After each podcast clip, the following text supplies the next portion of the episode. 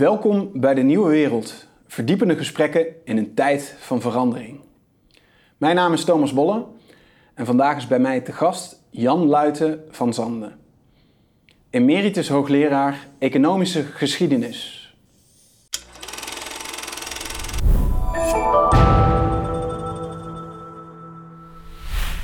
Welkom.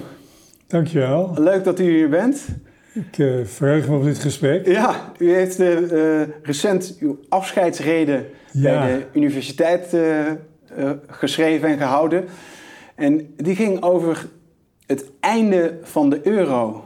En dat is nogal een mooi controversieel onderwerp, politiek gevoelig ook. En betekent dit dat wij als Nederland uit de euro moeten stappen? Nou, het ging, als ik je even mag corrigeren, niet specifiek over het einde van de euro. Het ging over de euro en alles wat daarmee uh, goed en vooral fout gegaan is. En de conclusie die je daaraan kunt verbinden is dat het uh, misschien verstandiger is om uh, een ander soort systeem geleidelijk aan in te gaan voeren.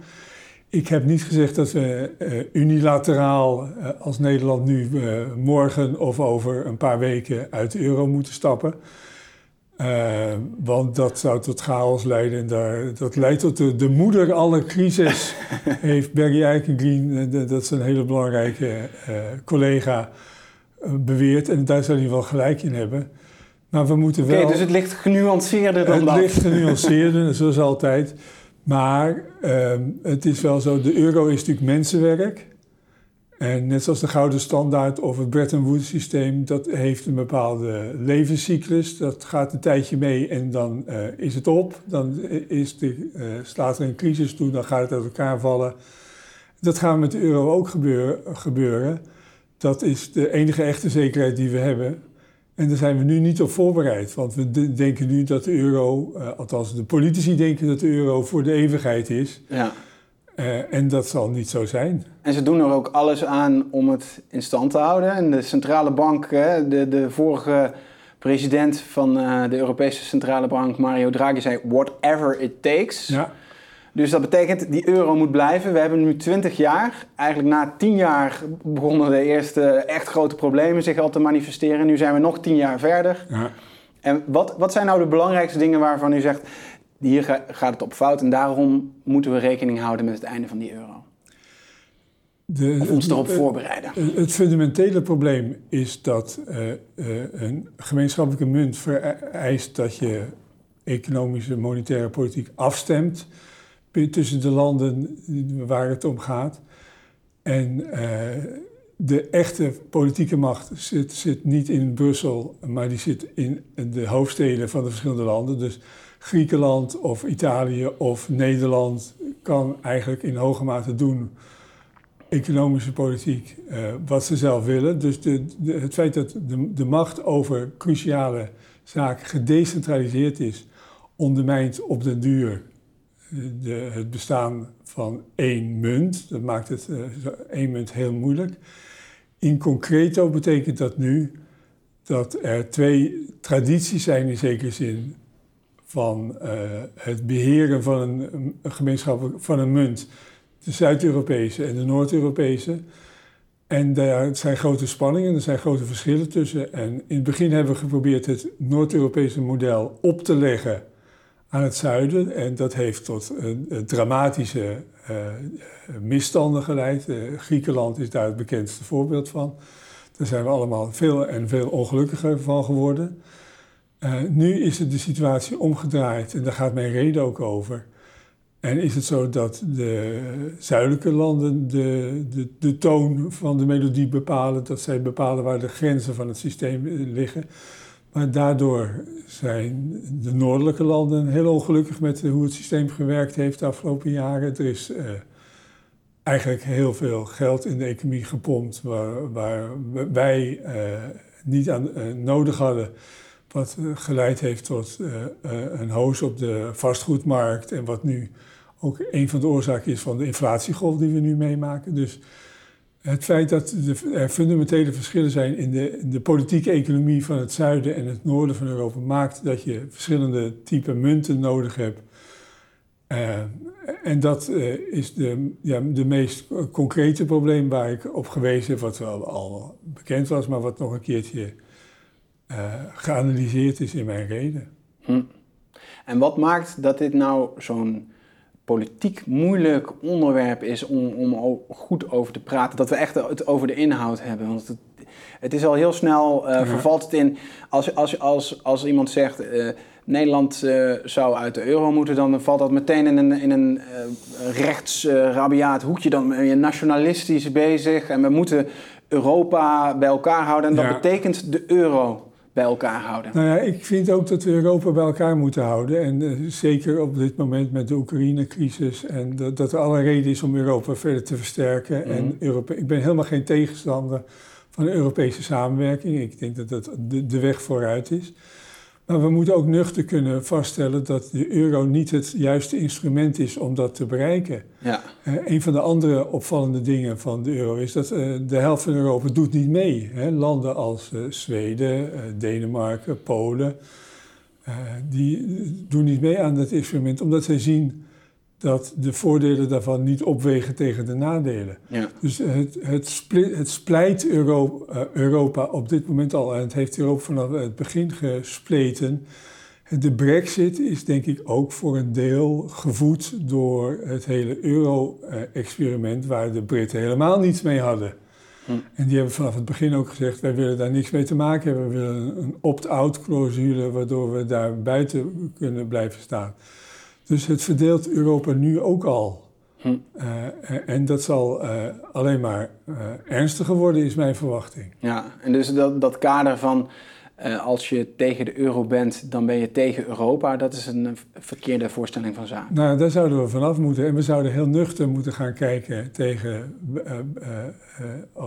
welke oplossingen er zijn om eruit te komen met elkaar. En wat dan een optimaal systeem is, wat die, de verschillen binnen Europa uh, erkent, wat daar rekening mee houdt. En dan kom je vermoedelijk uit bij een systeem met 2 euro's of iets dergelijks. Ik, ik, uh, ik heb daar niet heel concreet idee over. Maar in ieder geval niet bij een systeem van 1 euro, want daar zijn we nu wel achter. Dat, dat werkt niet. Ja. U begon uw uh, carrière, academische carrière, met een openingsreden. En die ging ook over een, monetair systeem, over, over de goudstandaard. Ja, klopt. Uh, het lijkt me wel leuk, daar was ook het punt. We hebben te lang vastgehouden aan die goudstandaard. Ja, ja. Dat, dat is een heel typisch Nederlandse discussie.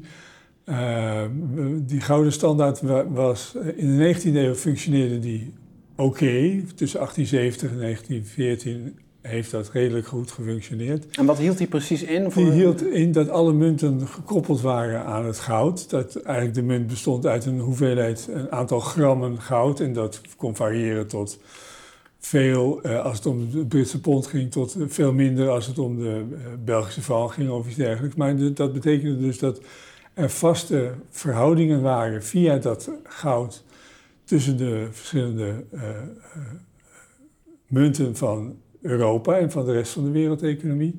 Dus dat gaf stabiliteit. En dat disciplineerde tot op zekere hoogte ook de landen die daarbij betrokken waren, want je wilde binnen die marges van dat gouden standaard blijven. Dus je kon niet al te gekke experimenten met je economie doen. Je kon niet uh, veel inflatie creëren of iets dergelijks, want dan uh, uh, verdween het goud uit jouw economie, vloeide het naar andere landen toe. En kreeg je daardoor een soort uh, depressie binnenland. Dus dat, dat, was in theorie een systeem wat zichzelf redelijk goed aanpaste aan veranderende economische omstandigheden. Mm. Wat redelijk goed gewerkt heeft, maar in de jaren 20 en 30 heeft men geprobeerd dat weer op dezelfde manier te. Dus na de grote schok van de Eerste Wereldoorlog, op eenzelfde manier weer uh, herin te voeren. Nou, dat is een drama geweest. Ook uh, Keynes, bijvoorbeeld, de grootste econoom van, het, van de vorige eeuw, die heeft vanaf het begin daar uh, tegenin geschreven en gezegd: Dit is de grootste fout die je aan het maken bent. Want de, de Britten bijvoorbeeld probeerden de gouden standaard tegen de oude pariteit van voor de oorlog in te voeren, ondanks het feit dat er heel veel inflatie was geweest. Dus dat, dat wrong aan alle kanten. En in de jaren uh, 30, als de grote depressie toeslaat na de beurskracht van 1929, zie je ook dat landen de gouden standaard gaan verlaten. Maar Nederland heeft in, in zekere zin het ongeluk dat we heel ruim in het goud zitten. Dat we een heel comfortabele positie hebben binnen de gouden mhm. standaard.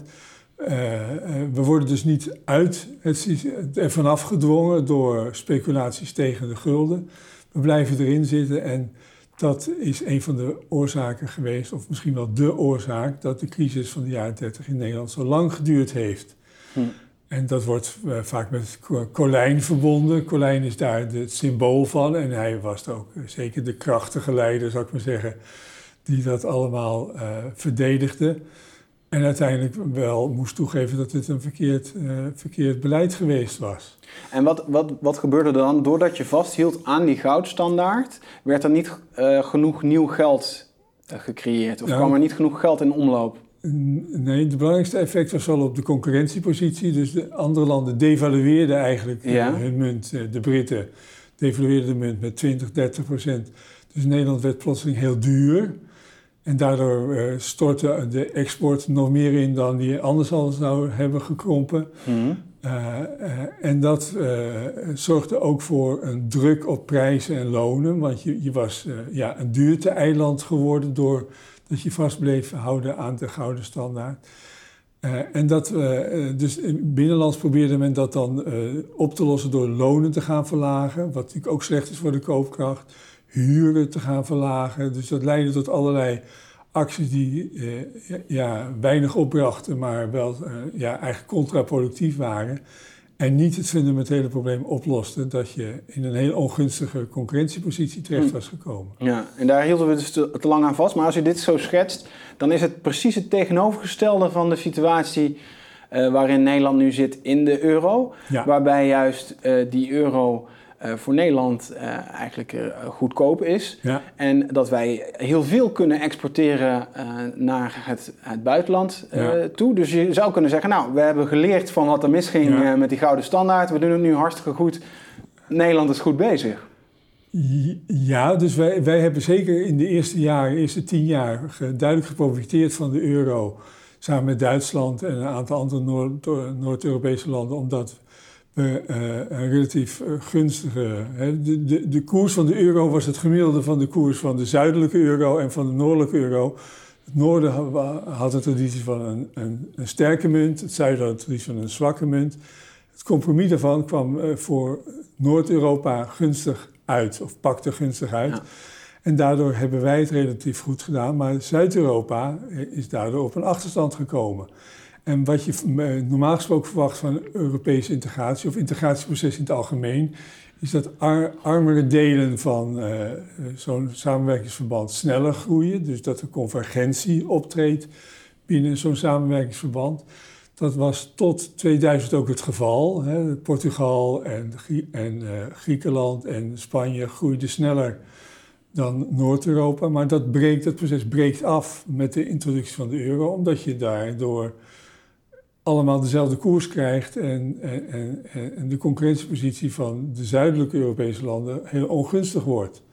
Dus ja, voor Nederland was het even leuk, maar voor Europa als geheel was dit mhm. heel slecht nieuws, want ja, dat convergentieproces dat kwam uh, uh, ten einde en dat, uh, ja, dat, daarmee verviel in zekere zin de, de bodem onder het hele economische experiment, zou je kunnen zeggen. Ja. En dat is sinds de crisis omgedraaid, sinds de eurocrisis. Niet, niet helemaal, maar eh, de andere problemen zijn uh, daarvoor in de plaats gekomen. Ja. Uh, Want Nederland is toch nog steeds, profiteert nog steeds uh, van die goedkope euro, omdat we kunnen exporteren. nog steeds een aantrekkelijk ja. land ja. om je spulletjes in te kopen. En, en er komt veel geld hier naartoe. Ja, nee, dat, dat is correct. Maar wat daar tegenover staat, is natuurlijk dat het beleid van de ECB, wat in de eerste tien jaar heel erg gericht was op het, uh, de belangen van het noorden, dat die met het uh, whatever it takes van, uh, mm. van Draghi omgedraaid is. En dat, dat heeft geleid tot het in, op grote schaal in de economie pompen van geld. via het aankopen van obligaties, met name van de staat, het laag houden, zo kunstmatig laag houden van de rentestand. En dat heeft natuurlijk tot een hoos hier geleid op vastgoedmarkt, op aandelenbeurzen. De speculatie is hand over hand toegenomen. En dat, dat heeft eh, de sociale ongelijkheid binnen Nederland enorm vergroot. Uh, starters kunnen nu geen huis meer kopen in, in de grote delen van het, het land. De, uh, mensen van mijn leeftijdscategorie zien hun, de waarde van hun woningen enorm toenemen. Dus, dus, de verschillen sociaal zijn sterk toegenomen. Uh, en ja, dat is duidelijk verbonden met dat euroverhaal. Dus, en dat is niet wat we voor ingetekend hadden. Dat is een soort onbedoeld effect geweest, maar wel heel nadelig. Mm. Uh, dus, uh, en wat daarbij komt kijken, is dat er dus heel veel geld ook nog ja, is blijven zweven, zou je kunnen zeggen, in de economie. En de huidige inflatiegolf uh, is daardoor mede aangewakkerd en uh, is ernstiger dan hij zou zijn geweest als we een centrale bank hadden gehad die de afgelopen tijd een meer adequaat beleid had gevoerd wat ja, dichter bij de belangen van het noorden had gestaan. Hm. En maar kunnen we dit echt aan de euro toeschrijven? Want het is toch een wereldwijd probleem. In, in Engeland in de VS, daar heeft, uh, hebben we niet een, een, een eurosysteem. Daar is een centrale bank die toch vergelijkbaar beleid heeft gevoerd. Die ook de rentes laag heeft gehouden. Die ook um, staatsleningen en bedrijfsleningen is gaan opkopen in, in de economie. Uh, veel geld heeft gecreëerd.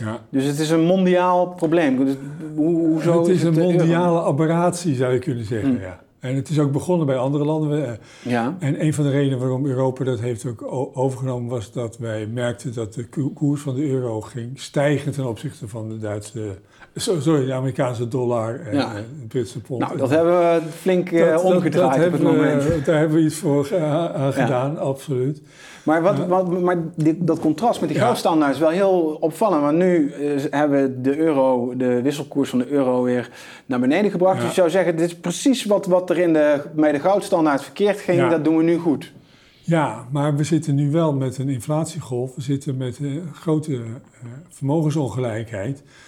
En dat experiment willen we niet nog een keertje herhalen. En ik denk dus dat we ook aan de vooravond dus ook de, de, schulden van huishoudens en van bedrijven zijn sterk toegenomen, want die lage rentestand heeft dat proces ook gevoed. Mm.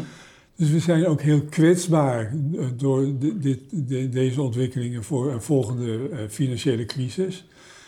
Als de voortekenen uh, ons, ja, correct zijn, dan is de kans groot dat in het najaar zo'n crisis gaat uitbreken. En eigenlijk het hele scala van maatregelen die een, eh, een, ECB kan inzetten tegen zo'n financiële crisis, die, dat, daar beschikken we niet meer over. Want we zitten eigenlijk al in een, eh, in een, mm. beleid wat heel erg uh,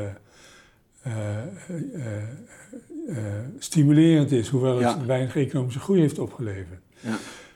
Dat andere landen hetzelfde fout gemaakt hebben, ja, dat is natuurlijk waar. Maar maakt het nog niet uh, beter dat wij die fout ook maken? Nee. Maar, maar de rol van de euro is dan in die zin wel beperkt. Misschien vergroot hij het probleem nog, omdat we minder mogelijkheden hebben? Nou, maar uh, het is toch duidelijk dat het whatever it takes, wat, wat toch de omslag geweest is van mm. Draghi, dat dat vooral gericht was op het redden van de, de Italiaanse euro, zou je kunnen zeggen. Want op dat moment liepen de spanningen in Italië ook op en begon men zich zorgen te maken kan de Italiaanse overheid nog wel de, de, schulden blijven betalen en aflossen. Dus het had ook wel degelijk een hele sterke eurodimensie. Ja. Het had ook een internationale dimensie, dat is zeker waar. En uiteindelijk eh, is een van de voedingsbronnen van, van dit, deze goedkoop geldpolitiek dat bijvoorbeeld een, een, regering Trump zijn doelen vooral zag in het verhogen van de aandelenkoersen, want uh, zijn achterban profiteerde daar enorm van. En ja, het was geen uh, grote ontdekking dat als je de rentestand laag houdt, ja. houdt dan dat goed is voor aandelenkoersen. Dus uh, daar, we zijn eigenlijk mee gaan doen met een, een vergelijkbare beleid, wat in zekere zin ja, ultra-rechts beleid is, zou je kunnen zeggen. Want het, het, het, leidt tot grote toename van, van ongelijkheid binnen een land. Ja, het is het, vooral de rijkere mensen profiteren van dat beleid en de armere mensen en de, de middenklasse delft het onderspit. Ja. U bent economisch historicus. Mm nou, we hebben het al over de goudstandaard gehad. Maar het is misschien ook interessant om te kijken van waar is dan het midden tussen die gouden standaard, heel rigide vasthouden, en wat we nu hebben, waarbij heel veel uh, geld is gecreëerd door die centrale bank. Zijn er voorbeelden uit, uit de historie waarin we misschien een middenweg hebben gehad of waar we iets van, van kunnen leren? Of waar het nog meer goed fout is gegaan? Eh, nou, kijk, Nederland heeft wel een opmerkelijke geschiedenis met zijn munt, zou je kunnen zeggen. Dus daar, daar kunnen we misschien wel iets uit leren. We hebben een uh, lange traditie van stabiliteit van de gulden. Het, uh, we hebben ooit uitgerekend dat het, als je teruggaat tot 1300 of 1400, dat de, de gulden en de voorgangers daarvan de, de meest stabiele munt is geweest, samen met het Britse pond, uit de wereldgeschiedenis. Dus dat speelt ook wel een klein beetje een rol. Dat die gulden staat toch wel sta, uh, uh, symbool voor een hoge mate van stabiliteit. En het kostte wat emotionele moeite om dat in te ruilen voor een euro. Waarvan we maar moesten afwachten hoe dat zich verder zou gaan ontwikkelen. Ehm, kijk, bij een monetair systeem gaat het eigenlijk altijd om de uitruil van twee verschillende dingen, denk ik voor uh, lange termijn uh, uh, economische ontwikkeling, economische groei, is het goed om een stabiel systeem te hebben met een klein beetje inflatie, maar verder geen grote ingrepen in zo'n systeem. Op korte termijn is het vaak zo dat er, zeker de staat, maar andere partijen die toegang hebben tot het systeem, dat die er belang bij hebben om op, uh, op korte termijn uh, winst te maken uit het aanmaken van extra geld. Hè? Want geldcreatie hmm. is gewoon een soort bonus die uh, uit het systeem gehaald kan worden. en hoe meer je dat doet, hoe beter. Dus de, de, elk financieel monetair systeem wordt gekenmerkt door die spanning tussen lange termijn stabiliteit is, is belangrijk en op korte termijn zijn er altijd uh, prikkels uh, uh, die, die ertoe kunnen leiden dat er heel veel geld bijgedrukt wordt en dat je inflatie krijgt. Die spanning is in het verleden, als je kijkt naar de Nederlandse geschiedenis, grotendeels bedwongen door het feit dat in Nederland de, de burgerij, de, de, de, de kooplieden eh, mhm. vanaf de 17e eeuw, maar ook daarvoor eigenlijk al, de, de politieke economie controleerde en die lange termijn belangen voorop stelde. Dus als je, als je het aan de middenklasse overlaat, dan uh, kun je een relatief stabiel systeem krijgen. Als je het aan de e elite overlaat, aan de staat alleen, dan kan het zo zijn dat uh, er uh, meer inflatie ontstaat dan, dan, uh, dan wenselijk is. Dus uiteindelijk ligt het in de politieke economie van een land wat, wat het financiële en monetaire systeem gaat opleveren. Hm. En in Nederland hebben we dus die traditie van diepe democratische wortels. Het poldermodel gaat in zekere zin al terug tot de, de, de late middeleeuwen, heb ik ooit samen met Maarten Prak in een boek beweerd. Dus dat soort instituties zijn belangrijk om de zaak uh, te controleren. Wat met de ECB en met het, uh, de euro gebeurd is, is dat eigenlijk de, de politiek uh, dit soort besluitvorming ge, gehaald is uit het politieke domein en helemaal is toevertrouwd aan één instelling die ja, alle controle kreeg over wat er uh, met het, uh, de munt gebeurde. En ja, dat is denk ik de, de fundamentele oorzaak van eh, de ontsporing. Dus je moet terug naar een soort uh, meer democratische controle over, het, over de munt, over inflatie, over. en het idee wat vooral in de jaren negentig heel prominent was, dat je dus besluiten over monetaire politiek door experts in isolatie die onafhankelijk waren van de, de, dagelijkse politiek. Hè? Dus hmm. het, het, model van een centrale bank.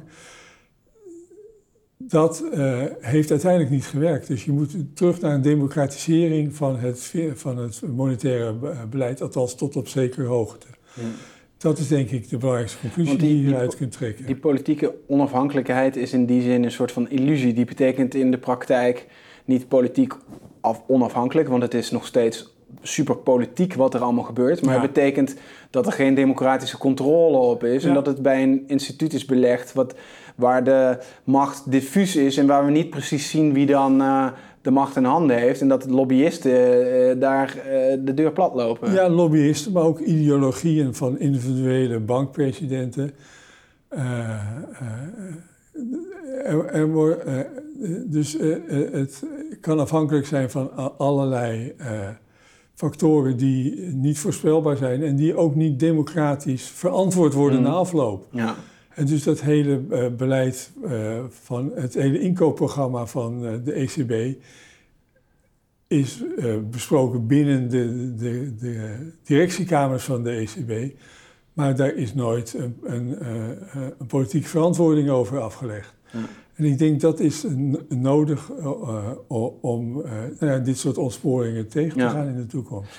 En zijn er historische voorbeelden waarin dat een tijd lang wel goed is gegaan en dat dat ook via dit model kon werken? Dat het democratische inspraak was, maar dat er niet politici kwamen die dan ook, ook weer de macht uh, gingen misbruiken door te veel geld te creëren en op korte termijn misschien het electoraat te plezieren, maar op lange termijn schade te doen aan de economie? Ja. Nou ja, de, de, het beleid wat na 1945 bijvoorbeeld in het kader van het Bretton Woods systeem gevoerd is in de meeste Europese landen, komt dicht in die buurt. dat was aan de ene kant een beetje gecontroleerd door het Bretton Woods systeem was er een zekere discipline nodig om daarin te functioneren. Aan de andere kant werd dit beleid in hoge mate democratisch bepaald. Dus dat is denk ik een voorbeeld van waarin die, dat evenwicht rond dat beleid relatief goed geweest is. Dan kun je natuurlijk zeggen, ja, dat is ook niet goed uitgepakt uiteindelijk, want dat liep uit tot de stagflatie en, van de jaren zeventig. Dat, dat, dat klopt. Het Bretton Woods systeem is met name ondermijnd omdat de Verenigde Staten daarin een onaantastbare positie had gekregen. En, uh, de dollar was daar de centrale munt in. En we waren allemaal afhankelijk, uh, konden niets doen mm. aan het beleid wat in de Verenigde Staten gevoerd werd. Dus daar lag die onevenwichtigheid vooral internationaal. Maar uh, op nationaal terrein was de zaak denk ik veel, evenwichtiger verdeeld. Mm. En wat is de rol van de staat hier, hierin? Uh, want in, in dat systeem was het de Amerikaanse staat die eigenlijk centraal staat in de, in de controle over dat uh, geldsysteem. En andere landen die hebben zich daarin in te voegen. Uh, bij de euro heb je ook een, een, een supranationale institutionele inrichting. Hoe heeft dat historisch goed gewerkt? Moet je dan dat nationaal beleggen? Of, of nog, zou nog verder gaan, moet je het helemaal niet... Uh, heeft, heeft de staat er misschien wel minder rol in? Zou je het aan private partijen moeten overlaten? Ja, het is een van de oudste discussies in, in parlementen die in Europa uh, vanaf ongeveer 1200 opkomen. Ja. Uh, dus het is, het is een, een, van de kernen van, van onze democratie, zou je kunnen zeggen. Uh, je ziet, in, in, zelfs in het eerste parlement, ik ga even nou een stapje terug. Ja, ja lijkt me goed om even flink de, de historie in te duiken. 1188 in Leon, in, in Spanje wordt dan het eerste, wat iedereen erkent als zijnde een Europees experiment met een parlement begonnen. En dan is een van de twee dingen die meteen besproken worden, dat de vorst maar moet zorgen voor een stabiele munt voor, voor, de komende vijf jaar. En in ruil daarvoor zijn de steden dan bereid om belasting te betalen. Dus dat is de deal waaraan de, van de, de politieke economie van de late middeleeuwen, die centraal staat in de hele opkomst van parlementen, dat de staat moet gedisciplineerd worden en de burgers zijn bereid daar iets voor tegenover te stellen, zodat de vorst zijn oorlogen kan voeren. Want hij moet natuurlijk wel de staat kunnen verdedigen of nou, in het geval van Leon ook meedoen aan de Reconquista. Ehm, nou ja, dat is denk ik de fundamentele uitwisseling die nog steeds, van macht die nog steeds plaatsvindt de staat moet gedisciplineerd worden, maar doet, dat, de burgerij heeft deze lange termijn belangen om te voorkomen dat er te veel inflatie is en dat er te veel met de, koers gemanipuleerd gaat worden. Als dat duidelijk is, dan krijg je in, in wezen een relatief stabiel systeem. Maar uh, een zekere disciplinering van de staat is wel nodig. Hm. En kan je het ook zonder de staat af? Ja, daar geloof ik niet zo in. Dus de, eh, de, de mensen die nu in de bitcoin uh, handelen en daar de ideologie van propageren, die, en denken dat we het optimale systeem van het geldwezen is dat, je, dat de staat geen enkele rol meer speelt daar geloof ik absoluut niet in. Uh, de bitcoin zelf laat ook nou niet bepaald zien dat het een heel stabiel systeem geworden is. Uh, maar ik denk dat je altijd de, uh, de, de macht van de staat nodig hebt om de gemeenschap, om de regels die je met elkaar afspreekt, ook opgelegd te krijgen. De, de, de, de, verschillende partijen moeten ook gedisciplineerd worden. En de enige met staatsmacht is natuurlijk de staat en eh, die zal die rol moeten spelen. Uh, maar, maar, die staat uh, ja, moet dat doen namens de burgerij. Dus die, die Nederlandse traditie waar ik het over had, dat is uiteindelijk gevestigd in, in het poldermodel. waarin de burgerij een belangrijke controle over de staat uitoefent mhm. via uh, allerlei instituties die uh, de, de, de, uh, de, ruimte van de staat beperken. Hmm. En, en, waar gaat het dan fout als die staat geen rol speelt? waarom, waarom is er. dus, want er zijn ook wel periodes in de historie geweest. waarin gewoon private banken hun eigen geld uitgaven. en dat via marktdiscipline eigenlijk uh, daar toch een bepaald evenwicht ja. ontstond van hey, die bank die, die goed met, uh, die, die niet te veel uh, geld uitgeeft, die is betrouwbaar. Ja. Daar kan ik van op aan dat hij niet failliet gaat. Die, dat geld ga ik gebruiken. En de banken ja. die er een potje van maakten, die konden dan vanzelf spullen pakken. Ja, ja, daar is wel mee geëxperimenteerd in het verleden. de bekendste periode is die van de free banking periode in de Verenigde Staten tussen ik zeg nu uit mijn hoofd 1835 en 1865. Uh, eh, daar zijn de, de resultaten heel gemengd van geweest. Uh, heel veel banken die hebben het eerste jaar. dus dan, toen mocht iedereen eigenlijk een bank oprichten. Er mhm. waren wel bepaalde regels voor, maar die waren heel licht. Uh, en dat werd dan ook op hele grote schaal gedaan. De banken mochten hun eigen banknotes, bankbiljetten uitgeven. Uh, dus dat uh, op die manier, het mechanisme wat jij noemde, de, zou dat tot zelfdisciplineren moeten leiden. Maar in de praktijk viel dat erg tegen. Veel banken verdwenen al uh, binnen een jaar en werden ook soms zo opgezet, dat heette dan wildcat banking, dat dat ook de intentie was. Dus dat men snel profiteerde van de mogelijkheden die, om bankbiljetten te drukken en uit te geven. En vervolgens uh, uh, ging de zaak failliet.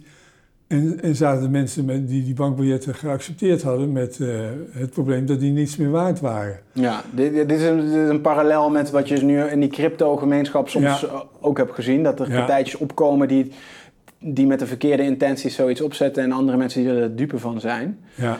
Um, maar er zijn toch ook wel voorbeelden waarin dat waar legitieme partijen wel een stabiele private munt hebben. Nou, sommige, sommige banken overleefden deze eerste eh, golf, zou ik je zeggen, en mm. hadden een langere levensduur. Maar het, uh, het bleek toch uh, over het algemeen lastig om dat systeem stabiel te, te krijgen. Mm. Er wordt wel heel verschillend tegen aangekeken hoor. Dus in de periode zelf heeft men de conclusie getrokken dat het zonder een centrale bank niet werkte.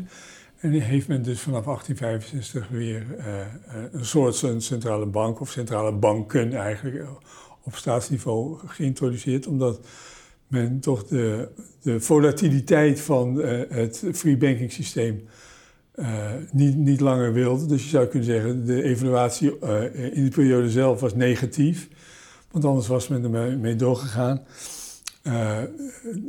er zijn wel studies van monetaire historici die de, daar positief over zijn en zeggen dat bijvoorbeeld in New York heeft het redelijk goed gefunctioneerd, want daar waren een beperkt aantal banken overleefden die eerste selectiefase en uh, begonnen langetermijn beleid uit te zetten. Uh, werkten ook samen, uh, vingen elkaar op als daar problemen waren op de markt.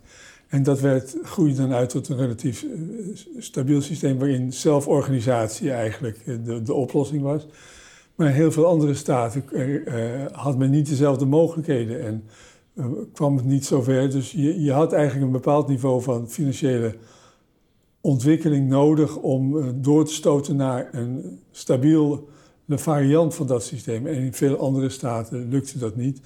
En zat men vaak dus uh, na elke financiële crisis, en er waren heel veel financiële crisis in deze mhm. periode in de Verenigde Staten, met de gebakken pieren. Hm. Uh, een, ander voorbeeld is Schotland, wat heel lang uh, wel een, een, een behoorlijk stabiel systeem gehad heeft het is nog steeds zo dat als je Schotland bezoekt, dat je soms bankbiljetten krijgt die gerelateerd zijn aan, aan specifieke banken die ze uitgeven. tot ongeveer 1850 heeft dat relatief goed gefunctioneerd. Adam Smith, de grote vader van de economie, die zag dat als een heel geslaagd experiment. Nou ja, wie zijn wij om het met Adam Smith oneens te zijn? Uh, dus, uh, maar daar waren het ook een, een, beperkt aantal, drie of vier banken geloof ik, mm. die dat hele systeem controleerden. Er was bijna geen toetreding van, van kleinere banken. Dus het is mogelijk om zoiets te hebben, maar dan moeten dus de, de banken onderling tot een soort oligopolie of misschien tot, haast tot een monopolie besluiten en, en de zaken met elkaar afstemmen. Mm. Ja, dan, dat is een, iets anders als de free banking ideaal, eh, wat dan op de, in theorie bestaat. Waarin het idee is, uh, er is een voortdurende aangroei van nieuwe banken en het voortdurend verdwijnen ook weer van oude banken. Ja. Dat is niet wat we uh, bij de succesvolle voorbeelden van free banking zien. En was er dan tussen die Schotse banken, als je de, banknote van de ene bank had en de banknote van de andere bank, was daar dan ook een onderlinge wisselkoers die fluctueerde? Ik denk het wel, dat, dat lijkt me uh, uh, onvermijdelijk. De details daarvan weet, weet ik niet. Het, was, uh, het waren natuurlijk allemaal ja, onafhankelijke banken van elkaar. Of ze dat op elkaar, ook de koersen op elkaar afstemden, dat, daarvoor zou ik nog dieper in dit voorbeeld moeten duiken. Maar in Amerika was het wel dat die, die notes die fluctueerden met elkaar. De ene noot, als, er, als het bleek dat die bank niet zo betrouwbaar was, dan daalde de koers van zo'n zo'n zo'n ja. Eh, banknote. Als, je, als je dan nu naar het huidige systeem kijkt van bankair geld, hè, onze, onze private banken scheppen geld, maar de, uh, dus de, de, de uh, staat geeft nu het contante geld uit, de briefjes en de muntjes, en, en onze banken digitale geld worden de Rabobank en, en de ING scheppen dat geld, maar die wisselkoers tussen de Rabo-euro en de, en de ING-euro die is altijd één, ja. één op één. En daar komt de staat weer om de hoek kijken. Dus dit, is een soort, dit lijkt een hybride model van privaat met de staat erachter. Uh, is, daar dan, is, de, is dit dan uh, de situatie waar je op altijd onvermijdelijk op uitkomt om, om een soort van stabiliteit te krijgen, ook om overzicht te houden? Ik weet niet of het onvermijdelijk is, maar het is wel een systeem wat uh, als zodanig redelijk goed gefunctioneerd heeft natuurlijk. Op nationaal niveau. Er zit natuurlijk wel een, een soort ontwerpfout in dat de voordelen van het creëren van giraal geld nu wel heel... Die komen bij de banken terecht. En dat hebben we ons tot voor kort eigenlijk nauwelijks gerealiseerd. Maar dat is natuurlijk een soort bonus die zij meekrijgen. En daar kun je grote vraagtekens bij zetten. dat, mhm. dat, is natuurlijk ook de afgelopen jaar uh, gedaan. En ik denk dat dat een hele terechte discussie is. Dat zou anders georganiseerd kunnen worden. Dat zou ook de prikkel bij de banken wegnemen om geld te creëren. Mhm.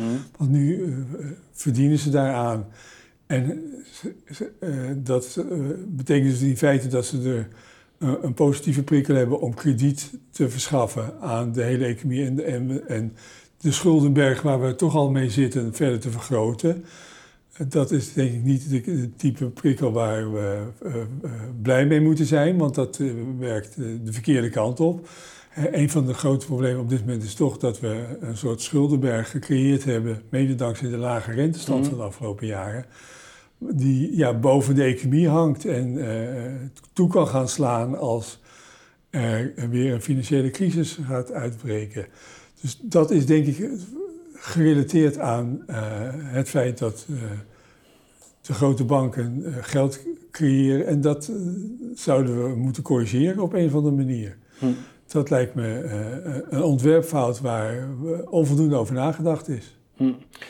Het, het lijkt bijna wel of welk systeem je ook pakt, of het nou aan private banken laat, aan overheden, aan een hybride systeem waarbij die private partijen weer worden gedekt door een overheid die erachter staat. Altijd wordt er op een gegeven moment toch weer uh, de prikkel gevoeld om meer geld te creëren ja. dan goed voor de economie is. Ja, maar dat is ook begrijpelijk, want het is een soort bonus. Je, uit het niets kun je uh, winst maken, kun je inkomen genereren als je, de, het, als je het privilege hebt om krediet te kunnen creëren zoals banken, dan is dat een, uh, uh, ja, een bonus die uit het, uit het niets voortkomt. Ja, dat is de makkelijkste manier van geld verdienen. Dus het is begrijpelijk dat dat aan banden gelegd moet worden. Dat is in elk financieel systeem moet je zodanig ja, de discipline zien te organiseren dat die prikkel beperkt wordt. Ja. En dat hebben we niet goed gedaan de afgelopen tijd. Maar voor dit argument, hè, daarom is de goudstandaard ook zo lang uh, is daar aan vastgehouden, omdat dat een soort van fysieke beperking. Uh, ja, maar zelfs bij de goudstandaard was het zo dat je voordeel had bij het creëren van basisgeld. Hè. Dus de echte winsten van de Gouden Standaard zaten eh, eh, bij de kernlanden van het systeem. Eh, Engeland in eerste instantie, eh, Frankrijk, Noordwest-Europa in het algemeen. Zij vormden de basis van het systeem, zij creëerden de, het basisgeld. Andere landen waren daar weer afhankelijk van. Die hadden niet, geen goudreserves, maar die hadden eh, trekkingsrechten, om het even in, in Bretton Woods termen te vertalen op goudreserves die in Engeland zaten. De, de voordelen van stabiliteit van de gouden standaard die zaten bij de kernlanden in West-Europa. En Argentinië of India of China hadden grote moeite om mee te gaan bij het, met het gouden standaardverhaal. Dus ook daar is het voor bepaalde landen heel voordelig geweest, maar voor de periferie van het kolonialisme was het helemaal niet zo'n handig systeem. Hm. Dus het is altijd een, een machtsvraagstuk waar. Ja, absoluut. Uh, maar geld komt uiteindelijk, uh, zoals zoveel dingen, weer uh, op, op macht uit. Ja. En het idee dat we die macht afzonderlijk kunnen plaatsen in een centrale bank en dat er dan door wijze heren verstandige besluiten worden genomen die voor ons allemaal goed zijn, dat is gewoon niet zo. Dat, die macht moet ook democratisch gecontroleerd worden en gebalanceerd worden door uh, alle maatschappelijke krachten die daarmee te maken hebben. Ja. Goed, uh, we gaan richting afronding van het gesprek. Mhm. Maar ik zou het zo mooi vinden als u eigenlijk nog een voorbeeld heeft, dan een historisch voorbeeld, waarin zo'n systeem dan in ieder geval voor een tijdje goed heeft gewerkt. Wat, wat een van de. waar volgens u de, de, deze principes dus wel goed zijn, zijn belegd. Met, met die uh, macht beleggen bij, bij die middenklasse. En dat dat ook daar een, ja. een, een, tijd lang blijft liggen.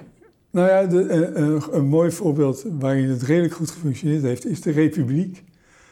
Dus de Nederland tussen 1600 en 1800 was een, een, een gedecentraliseerde politiek systeem. Uh, waarin uh, ja, eigenlijk een soort poldermodel functioneerde. waarin de, de, de controle over geld vrij breed gedragen werd. we hadden dus de discussie over dat geld aan de ene kant stabiliteit moet brengen en, en aan de andere kant voor onstabiliteit kan zorgen. Dat werd daar bijvoorbeeld in Amsterdam opgelost door aan de ene kant een wisselbank te organiseren, die een stabiel systeem van uh, transfers van munten tussen de alle handelspartners organiseerde. En daarnaast was er een, een beleenbank die de speculatieve leningen deed voor, namens de stad.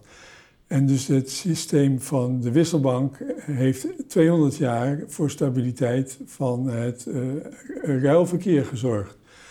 Uh, en dat was ingebed in uh, nou, de bekende polderen, wat, wat mm. kenmerkend was voor de Republiek.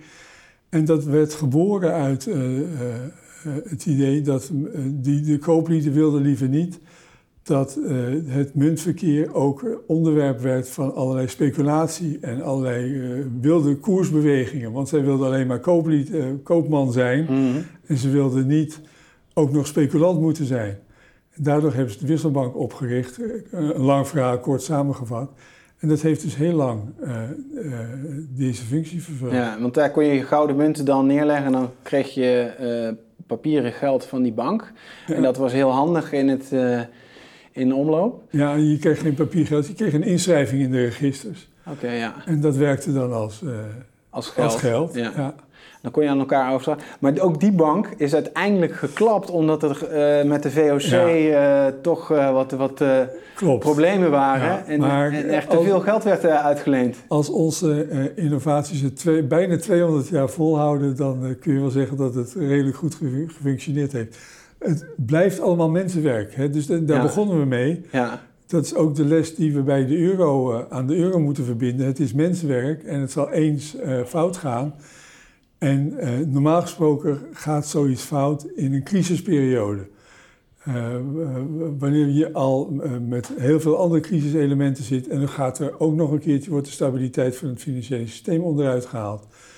Dat is niet wat je wil. Je, je, je, wat je verstandig zou zijn, is dat je uh, de, het eurosysteem geleidelijk aan kan ombouwen tot een systeem wat wel goed kan functioneren. Nou, die, die kans lijken we gemist te hebben, want we komen nu weer in een periode met hoge inflatie, waarin die spanningen zullen oplopen. Ja. Uh, dus vanuit die crisis zullen we nu naar een, uh, toch een, een oplossing moeten gaan. Wat, wat, wat, wat zijn de paden die we nu waar we ongeveer uit kiezen, kunnen, kunnen kiezen die, die voor ons liggen. En welke, welke richting uh, is het meest verstandig om, ja. nu uh, op te gaan? Ja, dat, uh, als historicus vind ik het altijd lastig. Moeilijk om naar de toekomst te kijken, om, maar goed. de toekomst heel veel zinnige dingen te zeggen. Ehm, wat voor de hand ligt is dat, dat ja, Europa gaat de komende tijd, denk ik, op allerlei terreinen veel meer macht naar zich toe trekken. En dat lijkt me op zich een goede zaak. De druk die van buiten op het systeem komt door Poetin, door, door wat er in China gebeurt, zal het nodig maken om een soort nieuwe golf van staatsvorming binnen Europa tot stand te brengen. Uh, en daarbij uh, kan ik me niet voorstellen dat uh, het financiële, het monetaire systeem overgeslagen wordt. Het probleem is dat het nu nog een soort taboe is uh, om daarover te praten, omdat men het gevoel heeft, er is geen alternatief, dus, hm. dus we houden onze mond maar dicht. Uh, want uh, alles wat we zeggen kan alleen maar contraproductief uitpakken. En daar moeten we vanaf. We moeten gewoon een open discussie kunnen voeren over de euro en, voor, en alle, alle andere elementen van de Europese samenwerking, maar ook over de euro. Zonder dat we het risico lopen dat, dat we meteen het vloerkleed onder het hele experiment uh, weghalen. Maar je zegt, we moeten, hè, we moeten een partij zijn in het, op het wereldtoneel met de VS, met China.